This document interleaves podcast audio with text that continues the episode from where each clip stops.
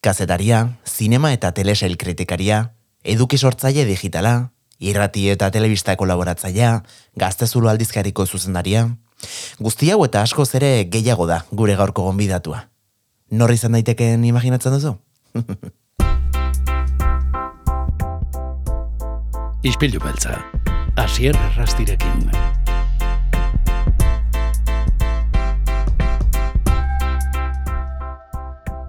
Gaizka izagirre, ongi etorri gure ispilura. Kaixo, plazerra mila esker. Zer modu zabe gaizka aspaldiko? Bai, ba, oso ondo, oso ondo. Pozik, gaina, ze bidez breinetatik elkartu dia gure bideak hasier, e, ez dakit urte hauetan, eta begira, bai, ilusio berezia egiten dite zurekin tartu txau izatea.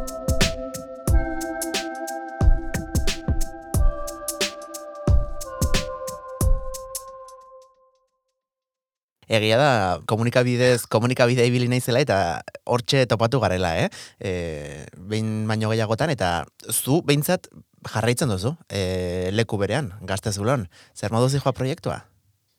Ba, bueno, ondo, ondo dijoa, e, baina egia da, e, ba, zailtasun geroz eta haundiagoekin, ze, bueno, egia da, e, astenga pixkate ezaguarrek aipatzen ez, eta da, bueno, paperezko aldizkaria, euskera hutxean, eta gazteentzat, ba, bueno, dia, iru ezaguarri nahiko komplikatu e, bizi dugun garaiotan, ez? Ba, alde batetik papera, bestetik gaztea eta bestetik euskera, ba, bueno, imaginatu, ez? Orduan, egia da guk gehien sinisten dugun edo ge, indar gehien jartzen dugun produktua papera dela aldizkaria beraz, eh? nik uste bilakatu dela, bueno, gure ikur edo bai, ba, hogeita hiru urte hauetan gure ikur bilakatu da, baina egia da, ba, bueno, ezin degula beste alde batera begiratu, ez? Eta bueno, ari gara, e, ba, pixkanaka, saiakerak, saiakerak diot, ze indikan ez dugu lortu nahi dugun hori, baina, bueno, saretan, e, interneten oroar, ikusentzunezkoen kontuan, eta indar gehiago jartzen, ba, bueno, e, eskariak, edo eskari egala eskatzen dutelako, gazteak hor daudelako, eta, eta guk ere ala nahi degulako, baina, bueno, horre zoritxarrez, ba, diruak,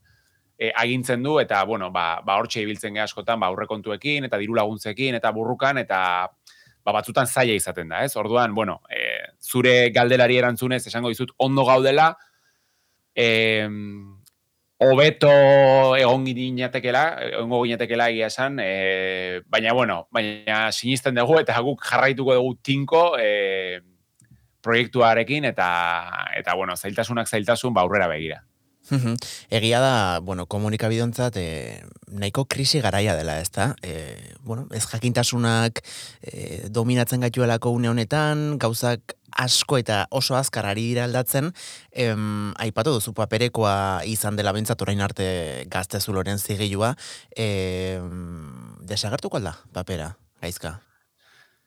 Hemen, e, bihotza ala buruarekin erantzun beharko nuke, ba ez dakit zer esan. E, ez ez esango nizuke, uste dudalako, ba, gaudela, ba, gaudela, diot, zenik, bueno, barruan sartzen naiz, ez dakit zeitzera bili, nostalgiko, e, erromantiko, edo zer deitu, baina, bueno, pixkat, euskarri fisikoa oroar maite dugunok, e, oroar esaten dut, ba, bueno, nik nire kasuan, ba, zinezala izan da, ba, oraindik ere, ba, DVD-ak, Blu-rayak, e, pelikulak fisiko kierosten ditut, e, Spotify egonda ere, gustatzen zait, viniloak edo noizan behin erostea, eta nola ez, ez, ba, papera. E, txikitatik izan naiz ni e, aldizkariak eta egunkariak eta erostekoa, eta orainik gordetzen ditut, e, ba, ez dakit, nera bezaroan eta erosten ditun, ba, zinemarekin relazionatutako adibidez aldizkariak, eta gaur egun begiratzen ditut, eta nostalgia puntu horrek, ba, indar moduko bat ematen dit, ez? Ba, kasu horretan, gaztezulora indar hori eraman eta aurrera jarraitzeko, ez?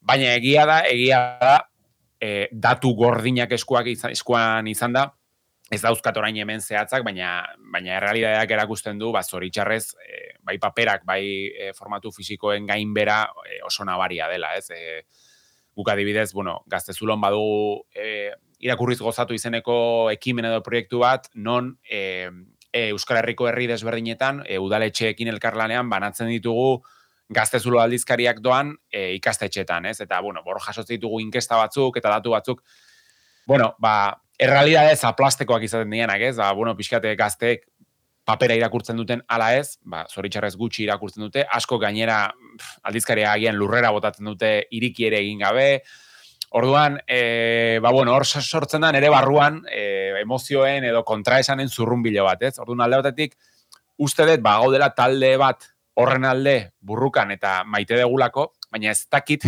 talde hori ez ote den txikiegia izango, hori da nere, nere zalantza eta nere beldurra, baina bueno, momentuz uste batzuk garetz, gelditzen gehala, orduan e, positiboa, mezu positiboa temate aldera esango nizuke, behintzate pela aurrera oa indikan etorkizuna baduela e, ala ere, naiz eta zuek papera mantentzen jarraitzen duzuen, sekulako e, salto egin duzu azken urteetan, berezeki indarra eta garrantzi eman dizu, diozuelako sarean e, zuen jardunari, eta mm, elkarrezketa hau prestatzen, hain justu, e, nik manekien, zu gaztezuloko zuzendari zinela, baino, enekien, orain social media moduan ere lanean zabiltzala.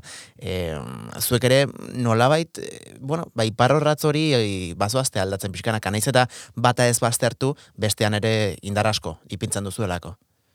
Bai, bai, bai. Alde batetik, eh, esan dizuna dizudanagatik, ez? Eh, ba, bueno, ba, gazteentzat zuzentzen garen komunikabidea garen einean, ba, bueno, badakigulako gazteak hor daudela, TikTok, Instagram, Twitch, danadalakoa. Eta bestetik, bueno, ni pertsonalki ere kontsumitzailea bana izelako. Eh, ez dakitu hain gazte etiketa Arimaz bai, ez dakit gazte etiketa barruan sartu naiteken, baina bueno, ni pasatzen ditut orduak saretan eta gustatzen zaidalako eta, eta bueno, baita ere ba pixkat ba ezagutza motxila hori nolabait bete eta gero ba gaztezuron ere ba gukantzeko gauzak egiteko, ez? Eta bai, egia da orain dela, bueno, guk webunea, bueno, ni ez nengoen gaztezulo, baina webunea atera genunean orain dela urte batzuk eta hor hasi zen pa pausoa, ez? Aldizkaritik digitalera. Eta apurka apurka urte zurte, ba, saiatu pixka bat, ba, lehengo sare sozialak irikitzen, gero Twitter, Instagram eta Facebook ondo, baina guazen TikTok, baina guazen orain Twitch, baina bideoliaketaren sari banak eta ba, presentziala izan beharren zerratik ez dugu adibidez, ba, bideoliak eta Twitch bidez egingo, bueno, saiatzen ga urte zurte, pauso txiki batzuk ematen, ba, bueno, uste degulako errealidadea hor da gola, ez? Eta bai, baita ere, eta hau pixkat lotuta, ba, azken, hilabeteotan e, aldatu gidoia kanpainaren kontua dela eta edo pantailak euskeratzek egiten duen lana dela eta ba, bueno, euskera sareetan egon behar duelako. E, datuak hor daude ez, e, bizitzaren edo eguneko e, orduen erdia pantailetan pasatzen baldin baute gazteek eta euskara ez baldin badago pantailetan, ba, bueno, ez, e, nik uste zuloragoa zela, ez, orduan, bueno, hortan ere, ba, gure alegina bintzat euskera e, sareetan eta pantailetan egoteko, eta horregatik, ba, bueno, hortxe biltzen geha, aldegun einean behintzat, ba, aurrera pauso digital hori egiten, bai. e, bueno, askotan komentatzen dut nik e, gure lankidekin, eta sare sozialen funtzionamenduak bere horretan, ba, gu gutxi izan da, beraien ikuspegitik noski, milioi bat euskaldun eta milioi hortatik zenbatek, ez? Erabiltzen ditugu sare sozialak, ba, mm, sare sozialen algoritmoak eta beraien, bueno, interesak badira, mm, jende masa mogitzea, ez da? Eta kasu horretan, algoritmoaren eta, bueno, ba, joko horretan euskerarekin ez dugu ez errasko lortzerik. E, zure ustez, non mugitu behar dira fitxak e, euskerak sarean merezi duen e, osasun duin hori izateko? Bai, bueno, lehenik eta bain uste dut, eta hau, bueno, nik uste jaiotzez euskaldunok daukagun zerbait dela, baina gure burua gutxi esteko joera bat daukagu, iruditzen zait, betidanik, e, izan daiteke gure historia, ez dakit, e, politiko denadalako agatik, edo orogo har gizartean gertatu dien hainbat e, gora berengatik, baina gure burua gutxiesteko joera daukagu. Eta iruditzen zait, edukiak sortzerako orduan ere, e, daukagun barrera ikusezin horrek kaltetu egiten nahi, gaituela. Zesan nahi honekin, adibidez, e, gazteakoek, adibide bat jartze aldera, edo ez dakit, beste adibide bat aipatu, nahi, e, aipatu alko nituzke, eh? baina iruditzait sareetan egiten duten apustua euskeraz, badela pixka bat e, euskeraz bai, baina pixka nazioarteari begira, ez? E, eta sortzen dituzten ikusentzunezkoak bai direla pixka bat ambiziosoak edo e, maila handiago, handiagoetara barkatu jotzeko helburuz. Gaztea aipatu eto, adibidez, ba, pixkat musikarekin aipatuz, ez? Zetak, adibidez, pello reparaz, edo bulego, ez? Edo ETS, adibidez, badia hiru talde oso arrakastatxu sare sozialetan ibiltzen dianak eta sekulako jarraitzaile pila dauzkatenak eta iruditzen zait, jo, sortzen dituzten ikusentzunezkoak, sortzen duten edukia horren kalitatezko edukia dela eta e, euskalduna izan ala ez edo zeinek kontsumitzeko edukia dela. E, pello reparazek, bueno, zetakek oain e, disko berriarekin eta promozioarekin ari direla, konturatzen baldin magera adibidez, bueno, e, bideo guztiak eta azpidatziekin hori joera nabarmena da, TikTokenekin eta azpidatzia jartzerena, baina adibidez, e, zetakak egiten du jartzen ditu euskeraz, gazteleraz, katalanez, ba badakielako Euskal Herritiko mugetatik kanpo daudela baita ere kontsumitzaile gehiago, ez? Orduan iruditzen zait egia da txikitasunetik sortu behar ditugula eduki guztiak, baina uste dut batzutan e, geldit, uste degula garena baino txikiagoa garela, eta askotan egin barko genukela, ez dakit, esfortzu gehiago edo ikusentzunezko edo danadalako haundiagoak sortu, ez? Hori iruditzen zait neri, gero egia da, realitateak, ba, bere gure lekuan ekakatu gaituela, ez? Baina iruditzen zait, pixkat beste, beste zea bat eduki barko genukela. e, nerabe batek esaten zidan duela gutxi, nola, bueno, ba, euskaraz sortzen dituzten eduki sortzaile, komunikabide, gaztea aipatu duzu, gaztea bera, e, egunero egunero sekulako lana egiten duena, e, sare sozialetan, Ondoren, e, bueno, ba, gaur egun zenbakien e, eta zifren, ez, mundu horretan, Ba, claro, joaten zara gaztearen jarraitzaile kopuru ikustera, eta ondoren, e, bueno, beste edozein eduki sortzaile Espainiar, e, Frantses edo, edo Amerikarra, eta esaten duzu, ostras, hemen badago lan bat egiteke, eh? Mm, bai.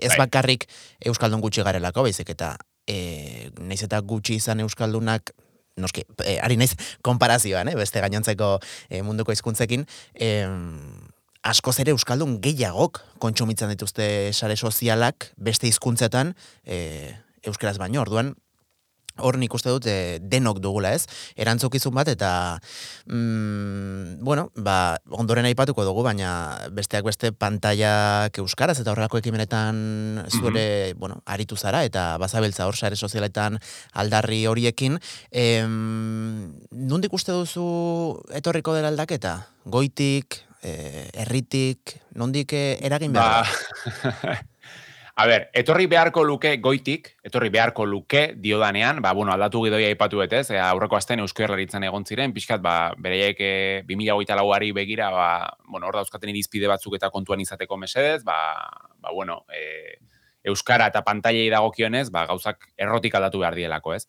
Orduan, diot, etorri beharko luke, baina ustet, zoritxarrez ez dela etorriko goitik, e, oker baldimanago, ba, behira asko postuko nintzateke, eh? Eta iruditze zait, ba, erritik etorriko dela, edo behintzat saiakera erritik etorriko dela, ba, pantalla euskeraz hasi zen pixkat izan zen, ez? Ba, pixkat metxa hau piztu zuen herri ekimena, egiten duten lana ikaragarria iruditzen zait, e, egun ez egun hori biltzen dira, ba, pixkat borroka horretan, eta gero baita ere, bueno, horrekin lotuta, ba, dibidez, e, zer non ikusi webunean, mm bai. ba, ia, esan barruen astero, baina azken aldian, ia egunero, ba, hor jartze dituzte ez, batzutan gertatzen da, ez, euskerazko edukiak, ba, izan Netflix, izan Amazon dalakoa, azpidatzia jartzen dituzte, baina, claro, ez zaigu informazio hori iristen, ez? Orduan, adibidez, zer non ikusiko egiten duten lana, ba, ia egunero, egun hori elikatu, eta, ba, gure gana helarazten, ze eduki dauden euskeraz plataformetan, ba, irutzait lana miresgarria dela, ez? Orduan, e, goitik etorri beharko luke, baina uste ez dela etorriko, eta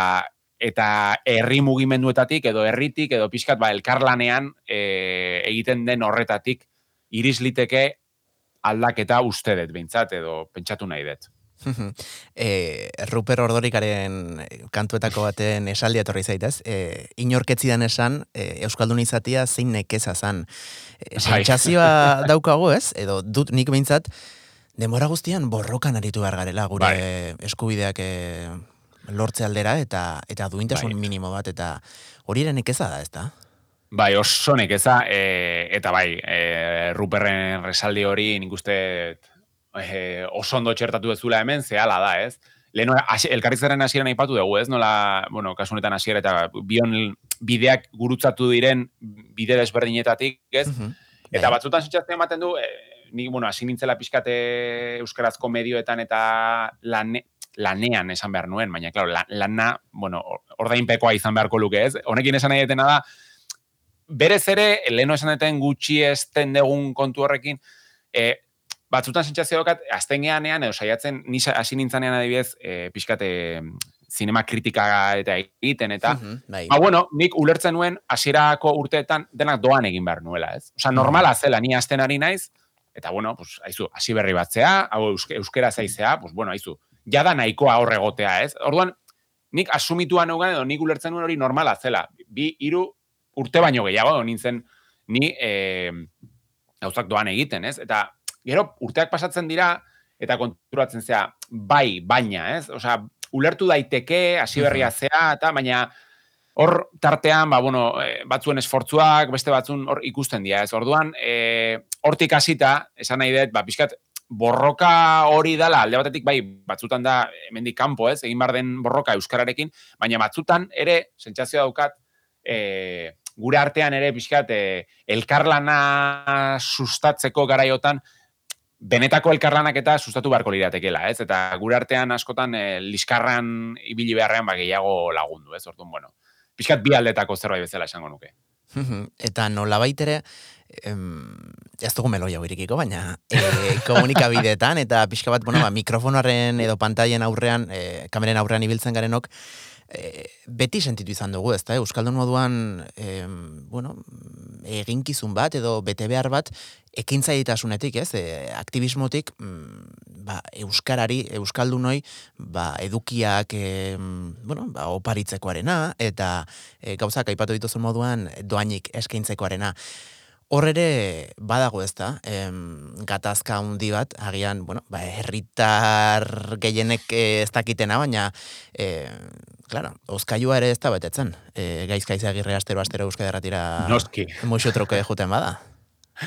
Hori ere, Mira, kasualidad izaten nahi da, eh? baina galderak ite izkiazun adibideak bilatzen saiatzen ez, eta kasu honetan berriro musikariak etorri zaizkit, ez, burura. E, eta kasu honetan pandemiaren kontuarekin, ez? Uh Nik uste pandemiak, bueno, gehi, ia gehienak gauza txarrak izan ziren, baina ekarri zituen gauza honak izan, eh, gauzonen artean markatu izan zen, pixkat, ba, jada zeuden gabezia hoiek, ba, nola bait, e, agerian utzi zituela, ez? Adibidez, e, joera handi bat egon zen pandemia eta gereziki konfinamenduan musikariei, bueno, musikariei edo aktorei, baina nik uste musikariekin gehiago izan zela, bideoak eskatzea, ez doan eskatzea. Ba, zuzeneko bat, Eta enaiz gogoratzen oain, burut esaten nahi naiz, eta haien okerna bil, ez dakit izan zen aiora zea maisekoa, edo norbaitek esan zuen, aber nahikoa da, esan nahi dut, e, bale, etxetik gaude, e, gure denbora libra daukagu, baina bideoak eskatu eta eskatu eta bideoak doan eta hau eta beste eta ez, eta ez, ah, baina eske, jo, eta ora, bisibilia emango dizugu, eta euskera zaigea, eta sareak, eta bla, bla, bai, bai, baina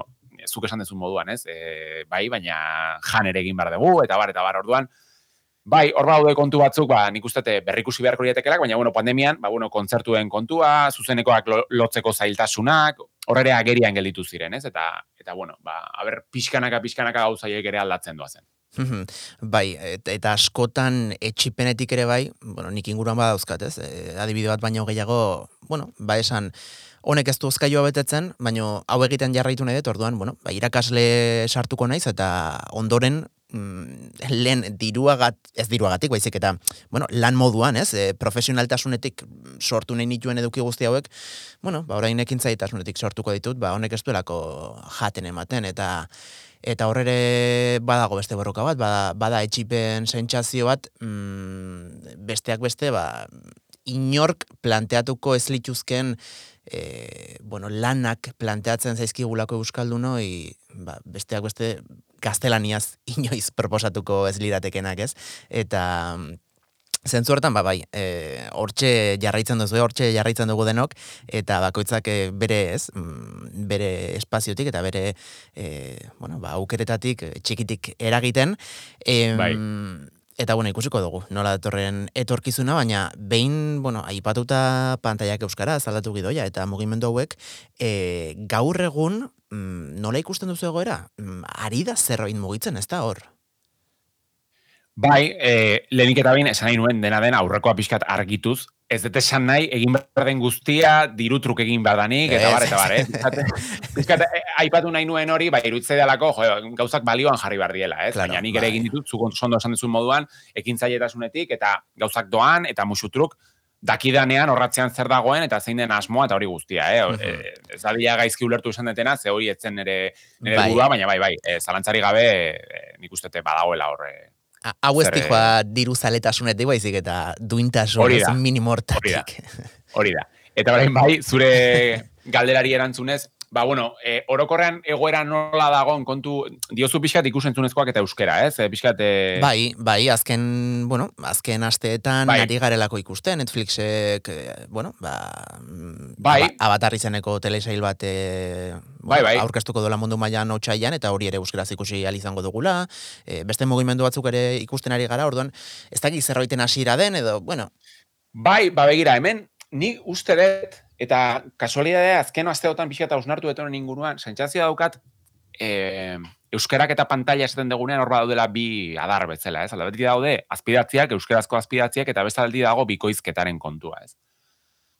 E, hor badaude, bueno, bi adar hoien barruan, kolektibotasunean denon izenean borrokan, baina egia da bikoizketaren kontua badagoela egoera bereziki larri batean, eta aldiz azpidatziena ez dago egoera oso batean, baina bai uste dut badagoela mm, alako loraldi txiki bat, e, eta hain zuzen zuk aipatu dituzun plataforma digitalen kontua dela eta, eta zer non ikusi aipatu ez leno ekimena, hor, kontuan izaten baldin badugu, azken urte terdi bi urteetan, mm, ez dut aipatu plataforma de, konkreturik, baina edo zein plataforma digitaletan, nahiz eta egia den Netflix berezik eta filminek agian egiten duela gehiago. E, euskerazko azpidatziekin, e, nola osatu den katalogoa eta nola elikatu den, mm, nik uste datu objektibo bat dela esatea, nola baiteko loraldi bat bizi duela euskarazko azpidak eta azpidatzien kontua. Gero adibidez, hor datu bat, e, orain dela gutxi garatu dute zer non ikusiko, e, Katalunian e, plugin bat garatu zuten, e, eta nola baita egiten duena da, e, Netflixek berez euskarazko azpidatzirik ez daukaten filmetan, azpidatziak gehitu izateko plugin bat garatu dute, beti ere nabigatzailean, eh? ez telebistan. Orduan, bueno, horari dira pixkanaka pauso batzuk ematen. Hor, egia da ere, azpidatziena ipatu loraldia, baina, claro, gauza ez da kantitatea, baizik eta kalitatea. Hor, eh, nahiko ezagun egintzen, oain dela aste batzuk, eh, Josuma eh, Marambonesek eh, azertu zituen euskerazko azpidatziak eh, plataforma digitaletan, eta, bueno, hor topatu zituen, bakatx gramatikal nahiko larriak, eh, ba, bueno, izkuntza kalitateari dagokionez eta ikuspegi horretatik aztertuta, ba, kritika nahiko eskorra e, atera zuen e, itzultzailea, Josu Brambones itzultzaileak, eta bueno, hor badaude gauzak, e, ba, leno aipatu diazun hori, ez? E, nundik etorriko aldaketa, ba, zorionez hor dabiltza, ez? Itzultzaileak, bikoiztzaileak, pantailak euskeraz, mm, gamer hauntxia, irumila tweets, zer non ikusi, euskal enkodins, badaude, ez? Hor, e, alegin horretan, baina ze gertatzen da jaurlaritzarekin, ze gertatzen da jaurlaritzak ETB-ri ba, pixkat kultura eta ikusentzunezkoen politika hori aldatzeko errotik aldatu behar duen eskakizun horrekin zer. Orduan, bueno, egoera dago pixkat naz pilatua, baina irutzait alde batzuetatik behintzat bai ari direla gauza interesgarriak egiten eta emankorrak. eta espero dugu, bueno, ba, aipatu duzun moduan, hau loraldi bat besterik ez izatea, eta hemendik e, urte gutxira berriz hemen mikrofonetan elkartzea eta esatea joe. Azarnolako, eh? E, panorama zora garri dugun. Bai, bai, bai. Baina, bueno, ikusiko dugu, ikusiko dugu noruntz e, evoluzionatuko den guzti hau. E, aizu hemen zaitu dela, gustatuko litzake galdetzea guri ere eragiten digun kontua delako. E, nola bizi izan duzun e, Hollywoodeko greba? Duela, bueno, ba, ah, bai. aste gutxi e, luze joan den greba hori bertan bera geratu zen, e, akordi batera iritsi zirelako, ba, zinema langileak, aktoreak, itoilariak, bai. eta bar, e, plataforma erraldo jauekin. E, baina nik pertsonalki sentsazioa daukat, mm, hau hasiera bat besterik ez dela izan, adimen artifizialaren kontua, langileen lan baldintzak eta honek izango duela jarripena, ez dakit, zuk nola bizi duzun, gertatu den guztia? Bai, egia da, e, eta neurri batean ulertzen dut ez, orokorran gidoilari, Hollywoodeko gidoilarien kontua, oza, grebaren kontuarekin eta iriz, albisteak irizten zaizkigunean, e, askoren errakzio izaten dela, ba, urruneko zerbait da, eta hau, bueno, ez diguera egingo, noski ez diguera egingo gure bizitza pertsonalean, eta ez da ezer larri gertatuko, pelikulak eta telesaiak ez ikustegatik. Hau, batzuk diote, eh? nik ez detu erizaten, eh? Baina, e, egia da, hor, batez ere loratu dela e, gako importante bat, eta ez bakarrik ikusi entzunezkoetan, oroar munduan, nik uste urteko hitzetako bat adimen artifiziala dela, bera, ez? Eta adimen artifizialak e, ekarlitzaken onurak, desabantailak, bueno, pixka denetatik, ez? Hor ni ez naiz aditua, baina, bueno, ni egon naiz irakurtzen horri inguruan, eta adituek diotenez, bueno, hor badaude, bueno, argi ilun batzuk, ez? Adimen artifizialaren kontua, eta batez ere, garrantzitsuena konturekin da araudia, ez? Eta mm, irizpide batzuk finkatzea eta araudi bat ezartzea, ez? Eta Hollywoodeko gidoilarien grebaren barruan, ba, eskatzen zuten gauzetetako bat hori zen, ez? E, joera handia egonda edo, bueno, sortzen ari den zerbait da, badiez, gidoiak ez utxetik sortzeko, noski, adimen artifizialarekin, baina agian zirriborro moduan dagoen gidoi bati adimen artifizialaren ba, ez dakit, delako mm, aplikazio bat edo sartu eta hor berak garatzea beste bide batzuk, orduan, hori arautzeko, azteko, ba, gidoilarien lanpostua eta gidoilarien lana arriskuan dagoelako, Eta gero bestetik, ba, bueno, pixkat plataforma digitalen kontua, etengabe aipatzen ari garena, ni lehenengoa, noski, ba, bueno, horrela, horrela garaioiek bizi ditugulako, ba, pixkat hor, e, gardenagoak izan behar dutela, ez? E, beraien ikustaldiatuak, beraien etekinak, hor, oso birala egin zen, eta oso bitxia iruditu zitzaidan, bueno, breaking bat telesaia asko gustatzen zait, eta hor egon zen aldarrikapen bat, bertan e, e, zeuden Brian Cranston, Walter White gorpuzten duena, eta Aaron Paul, Jesse Pickman, ez? Eta Aaron Paulek, dela Jesse Pickman, dela aktore super ezagun bat, eta Breaking Badeko ba, koprotagonista, bai. esaten zuen, ez? Berak, e, Breaking Bad Netflixen egoteagatik ez duela sentimo bat bakarra ere jaso, ez? E, hor noski ez da berdin aktore izatea, edo ekoizle doa baina hor araudi batzuk egon dutela, hor daude asunto fiskalak ere sartzen dira, segun eta, bueno, plataforma hori zein herri heldaetan dagon, interesatzen zaio, bueno, badakiz, hor gauza fiskalak eta diru kontuak eta nahiko korapilatxua dena azaltzen, baina bai, gidoilarien grebak eragin dezake dena da, hola epela burrean, eta pixkat, e, ba, ikusle arruntari, esango nuke, ba, bueno, telesai asko atzeratu egin direla, pelikularen, pelikula ugariren aurrekontua murriztu egin dela, eta pelikula ugari ere, atzeratu egingo dilela datorren urtera edo datorren urteetara, ez? Orduan, bueno, eragina ez da larria, kontuen izan da, ba, bizi dugun gizartean, ze gauza importante dauden, ez? Baina, bueno, ba, ikusentzunezkoen munduan egunero ari garen ontzat, ba, bai da eragin nahiko, nahiko potentea, bai. Uhum. Lehen galdetu dizut, e, ea papera desagartuko den, e, orain, orain galdetuko dizut, e, nola ikusten duzun, zinema aretoen osasuna. Gainera, orain txejorratuko dugun gaiarekin zer ikusi zuzen. Bai, bai, bai. Ba, bueno, mm, nere iritzia garbia eta irmoa da, e, oso esageratua naiz gauza goetan, baina, bueno, pasioz biziteten zerbait da zinemarena, eta eta ala mantenduko dut. E, nik beti esaten dut, e, adibidez, e, Mona Lisa, jokonda ikustera baldin bagoaz, e, ikusin, ikusteko gogoa baldin bazenu, ba, e, ba, e, bagenu, barkatu, ze aukeratuko zenuke, aukera izango bazenu, noski. Museora joatea zuzenean e, kuadro hori ikustea, da ordenagailoko pantalla baten bitartez, ez? Nik ustet mundu guztiak, edo behintzat interesa duenak, esango lukela museora jongo litzatekela, ez? Bueno, banere ustez, zinema aretoa da pelikulen museoa.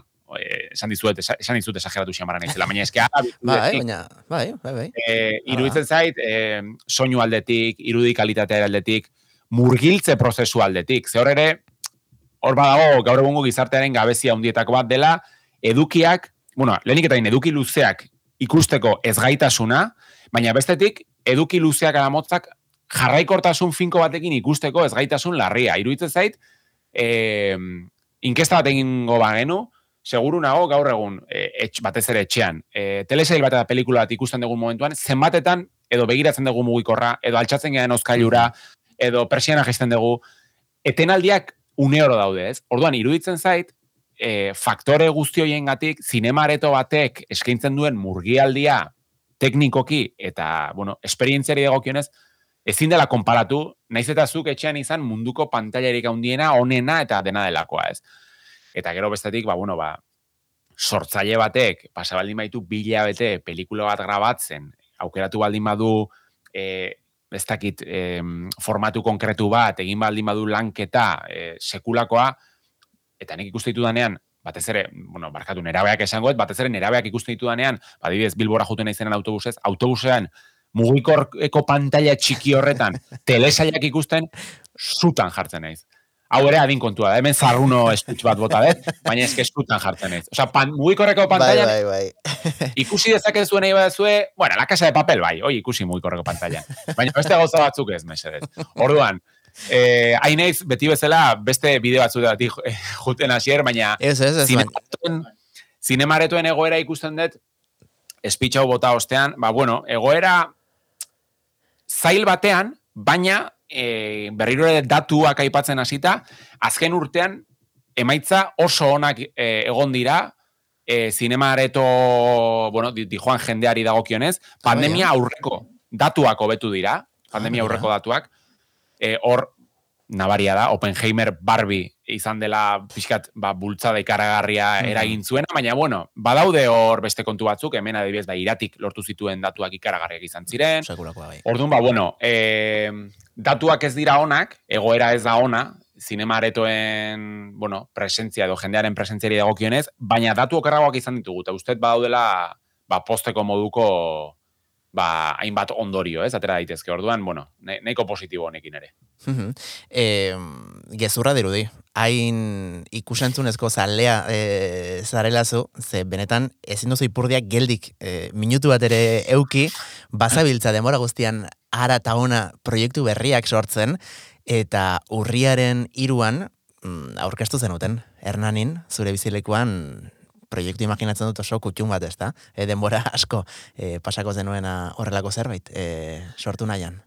Bai, Jose ondo, ze ondo horregatik galdetzei azula, ze banuen gogoa, banuen gogoa honi buruz hitz egiteko. E, bai, bai, bai, egia esan, ba, bueno, nik betidanik maite izan dut zinema, betidanik izan nahi zinema zalea, txikitatik, ez jaio berritik, hoi ez dizuet esango, baina, bueno, nera zanotik nik uste da zizela pixkan ere zaletasuna Mhm. handitzen. Eta, bueno, zinema paradiso ikusi nuen bere garaian, eta No. beti amestu izan dut, bueno, neurri batean, noski, ba, ba, zakit, areto bat izatea, edo pelikulak jartzea, edo, ba, askotan deskubritzen ditudan arribitxi hoiek, eta, ba, askok ezagutzen ez dituztenak, ba, jendeari deskubritzea, ez? Edo, edo pixkate ezagutaraztea. Orduan, bazen nere ametxetako bat, bueno, zinema bat izatea hori ezinezkoa da, baina, bueno, behintzat, zinema areto batean, ba, nik aukeratzen ditudan pelikulak eta proiektatzea, ez? Eta orduan, ba, bai, ba, urrian jaio zen, ba, bueno, luze joan den proiektua, baina jaio da bengoz, loratu da, Hernani Zinekluba, e, herrian bertan sortu dugun proiektu zoragarria da, ba, nik zer esango dut, ez? Andres Daniel Sainz eta biok e, sortu dugu, eta, eta bueno, bai, oraingoz, hilean behin, oraingoz diot, segurasmoa bada, albaldin bada, eta hemen ere zoritxarrez, ba, betiko aurrekontuak laguntzen baldin badu, maiztasun gehiagorekin egitea, baina pelikula bat aukeratzen dugu, jatorrizko hizkuntzan eta, eta bueno, helburua da pelikula emateaz gain, ba, pelikula horren inguruan sor daitezken, ba, solasaldi, elkarrizketak, eztabaidak sustatzea, ez? Ba, iz, adibidez, e, orain dela e, urrian, e, azaroan ekarri genuen gelitasuna ekaitzean pelikula, Mhm, euskal bai. e, filma, eta bertara, ba, etorri ziren zuzendariak, aktoreak, eta Ah, pelikula mira. amaitu ostean, ba, egon zen solasaldi bat nahiko emankorra eta nahiko interesgarria, ze, badakizu hemen askotan solasaldiak eta proposatzen dituzuenean, ditugunean, jende askok ies egiten du aretotik, ba, ez duelako horrelako kontuetan eta sartu nahi, eta egia jendeak asko parte hartu zuen, Mhm. galdera oso interesgarriak eman zituzten, eta bueno, ba, asmo hori da, ez, pelikula ikusi, eta gero pelikula horren inguruan, ba, solasaldi moduko bat e, sortzea. Gu bauzkagu irizpide batzuk, zergatik pelikula konkretu batzuk, bueno, ba, guk gure irizpidea badauzkagu, eta, eta horren arabera, ba, ba bueno, hort, hortan gabiltza, egia esan, e, txoratzen nabil honekin, eta, eta zoriontsu egiten nauen zerbait da, beraz, pentsa. E, Kresala Zineklubeko lagunak gure kolaboratzaileak dira, eh? Asterokoak, espero dute zasarretzea. Momentuz ikusi dut, zuen eta beraien datak eh, ez dutela koinziditzen, beraz, aizu, Hernani hemen, donostia ondoan izan da, ba, mundu guztiak aukera du, ezta? E, bai batera eta bai, Bai. bestera guteko.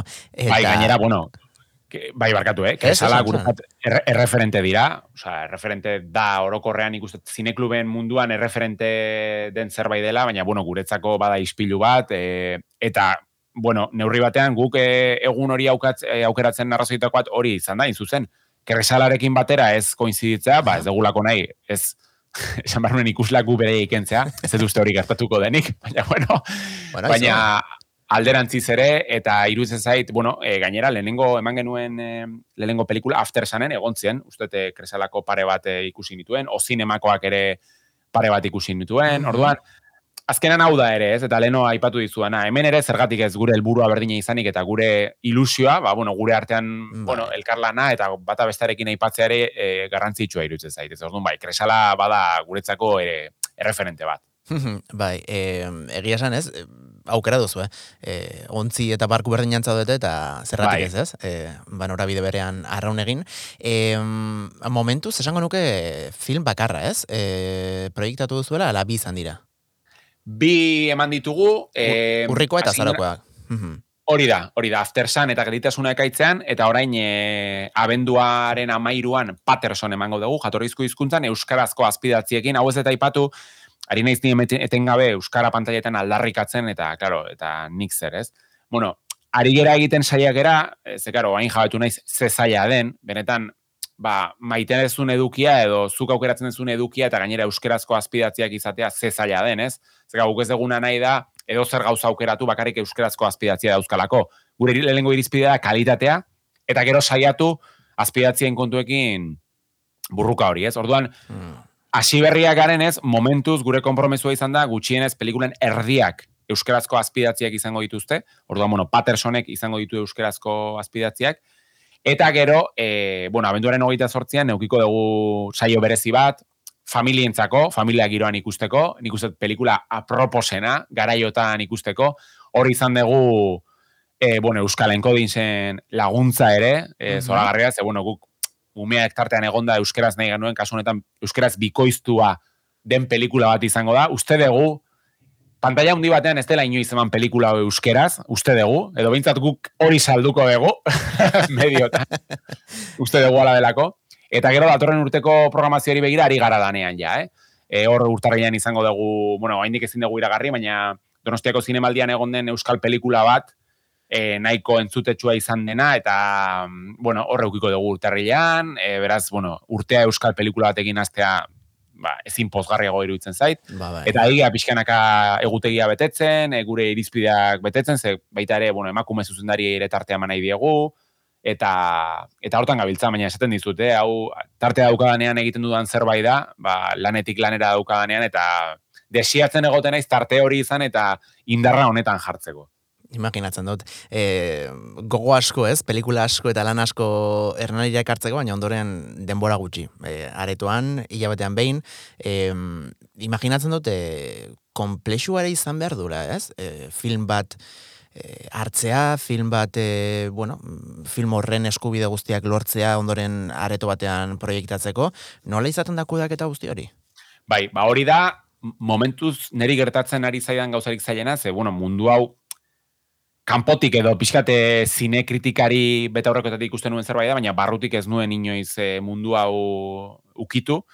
Eta bai, egia esan, izaten nahi da nahiko korapilatxua, zelenik eta behin da, pelikula bat aukeratu, aukeraketa bat egitea, baina gero, gero da, pelikula konkretu baten banatzailean orden jakitea, banatzaile horrekin kontaktuan jarri, eskubideak eskatu, prezioak, hor pixkat, bueno, burrukoa dago, e, ez da berdina udalaren izenean zoazenan edo elkarte txiki moduan, hor, aiga ikasten trampatxo txikiak egiten, baina gero ere guk nahi deguna da, alik eta, bueno, sinematik gertuen dagoen kalitatea, ez? Orduan guk horreskatzen ditugu DCP formatua delakoa, Orduan horri biltzen gea, ez? Eta behin hori itxita, ba, adostu behar dugu zehazki ze egunetan emango den proiektzioa, zenbat aldiz emango den proiektzioa, gauza guzti guzti guztiak azken zerrikituraino zehaztu behar zaizkie banatzailekoei, banatzailekoek bialtzeiz gute, bueno, normalan disko gor batean e, pelikula, ze, bueno, segulako pixua duten e, formatuak izaten dira, posterrak ere herrian eta jartzeko, eta orduan bazaiena izaten da pixkat tetris horretan osatzea, datak, e, beraien disponibilidadea, e, prezioen kontua oso aldakorra izaten da, gu saiatu ginen adibidez, Barbie ekartzen bere garaian, e, Ah, bai, pixkat eh? zineklubari hasiera emateko, baina, claro, prezioena zen, bai, hau, e, urteko aurrekontuaren erdia, orduan ezin ginen itxutu, zeuen ez eta ipatu, baina garantzitsua da, hau guzti hau erraniko udalari esker egiten dugu, beraiek babesten gaituzte eta beraiek gaidia pixkat gurekin elkarlanean, orduan, bueno, zerbait ir, e, e, erreala, ez geha hasiko hain Oppenheimer eta Barbie eta holakoa jartzen, ze bestela pixkat pikutela gu- gure filosofia eta gure aurrekontua, ez? Orduan bai, e, lanik handiena aukeraketa baino, ze aukeraketan zailena ez da aukeraketa egitea, da aukeraketa gero murriztea, ze egun da, ez da gizan bat pelikula aukeratu ditut ja, da gehiago gero, ba hori, banatzaileekin, eskubideak lotzea, kostatzen ari zaigu, oraindik ez dugu iragarri, abenduaren hogeita zortziko pelikula hori, oraindik burrukan ari garelako. E, horregatik, iragartzeko gogoz nago, baina oraindik ezin dugu iragarri, e, hain zuzen e, horregatik. Ze bueno hori, e, azkenean e, horra egia eskubideen kontua eta burrukatzen, e, claro, arazoa da, banantzaile batzuk, ba, Estatu Espainiarren eta daudela, batzuk Euskal Herria, baina beste batzuk agian atzerriak, eskubideak atzerriko dauzkate, ja da hemen ez dagoelako inor pelikula hori banatzeko, orduan batzutan ez dute erantzuten, claro, erantzun eza dagoenean zer egiten duzu, arriskatuta jarri, baina ez, e, egile eskubide batzu daude, orduan, bueno, hortan gabiltza, baina bueno, hala ere, e, lan polita da, oain dela hilabete batzuk ezagutzen ez nuena, eta hau ere, naiz eta neketsua izan gustora egiten dut. Ba, gaizkaiz agirre, agurta aurretik, e, konta iguzu non topa genezaken Hernani Zineklubaren inguruko informazioa, eta baita ere lehen ez dugula ipatu non topa genezake gaztezulo, bai Euskarri fisiko eta digitalean. Oso ondo, bai. Ba, bueno, lehenik eta behin, gaztezulo, e, Twitter, Instagram, Facebook, TikTok, eta Twitch, Pinterest esan behar nuen, baina pff, Pinterest ez dakit jendearen interesekoa da, baina bueno, egon bagaude Pinteresten, norbait sartu nahi bali bai. Eta fotologa ere ipatu beharko nuke, ez, ba, fotologa. baina hori gaztezulo, e, eta gero webgunean, noski, gaztezulo. Mm -hmm. Eta e, Hernani Zine Kluba e, Instagram eta Twitter kontua dauzkagu oraingoz, webgunea ere estreinatzeko bidean, ikuste urtea baino, amaitu baino lehen webgunean jarriko degula informazio guztia, Eta, e, ba hori, gombita, e, abenduaren amairuan Patterson jatorrizko hizkuntzan euskeraz, ari gara aldarrikatzen une hori euskeraz e, kontsumitzeko, bueno, pues hortxeako gaukera bat, euskeraz e, ikusteko pelikula bat, biko, e, bikoiztuak asunetan ez, azpidatziekin. Beraz, bueno, animatu mundu guztiari, e, donostitik errania nahi dut lekutik, ba, gombidatu daudelako. Klar, hau ez dizut esan, baina gaur beraz guretzako azaroren hogeita sortzi da, baina zure elkarrezketa abenduaren amairuan emitituko da, beraz, gaur bertan duzu Ai, ba, eh, proiektzioa. Ah, bale, bale, bale, jode, pues perfecto, ze ondo, bale, bale, abenduak amairu, bai, bai, dutan, zer dutan eta non? Eh, Arratxaldeko zazpitan, eh, erraniko biteri eh, kulture, eh, kulturetxean bertara zuzenean jun eta sarrerak bertan e, erosi genitzake? Bai, e, bestela hernani.kultura.eus e, webunean e, iru euro, mesez, iru euro zer da gaur egun, ba, bueno, bai. asko, baina, bueno, pelikula bat, e, kalitatezko pelikula bat ikusteko iru gatik hernani kultura webunean, edo bai, zuzenean e, lehiatiara jonda egunean bertan, edo nahi dezutenean e, hartu daitezke sarrerak bai. Ba, gaizkaiz agirre, beste behin e, plazerrutxa, zurekin hemen, e, irratiko guinetan topo egitea, eskerrik asko, gure gombitan hartzeagatik, eta eta animo, zure lanarekin, zure proiektuekin, eta eta zure zaletasunekin. E, eskerrik asko, gaizka.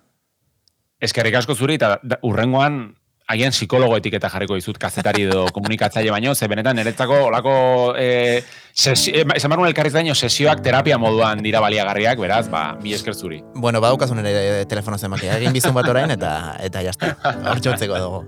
Gaizka izagirre eskerrik asko. Mi esker.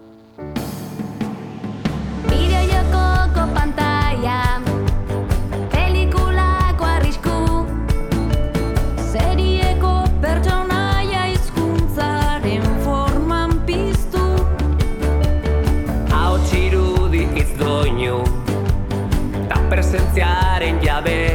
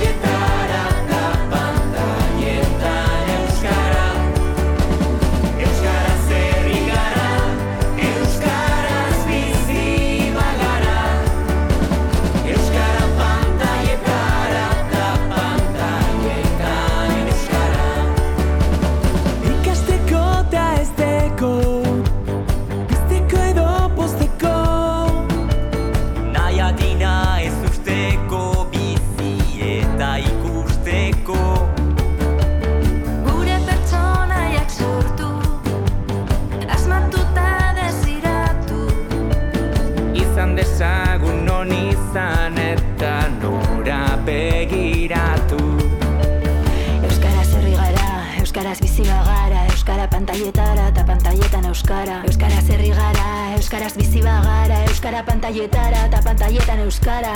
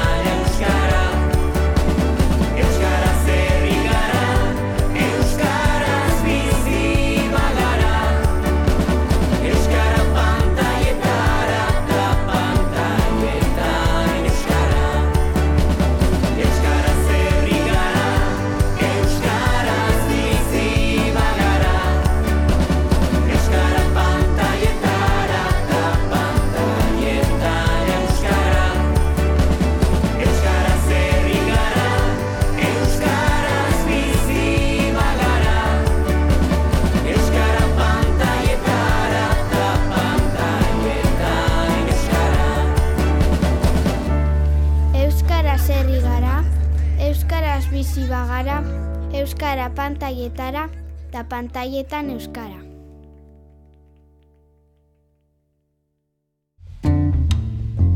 Ispilu beltza, astelenetik ostiralera, asier errastiren eskutik, Donostia Kultura Irratian, edo dena delako podcast plataforman.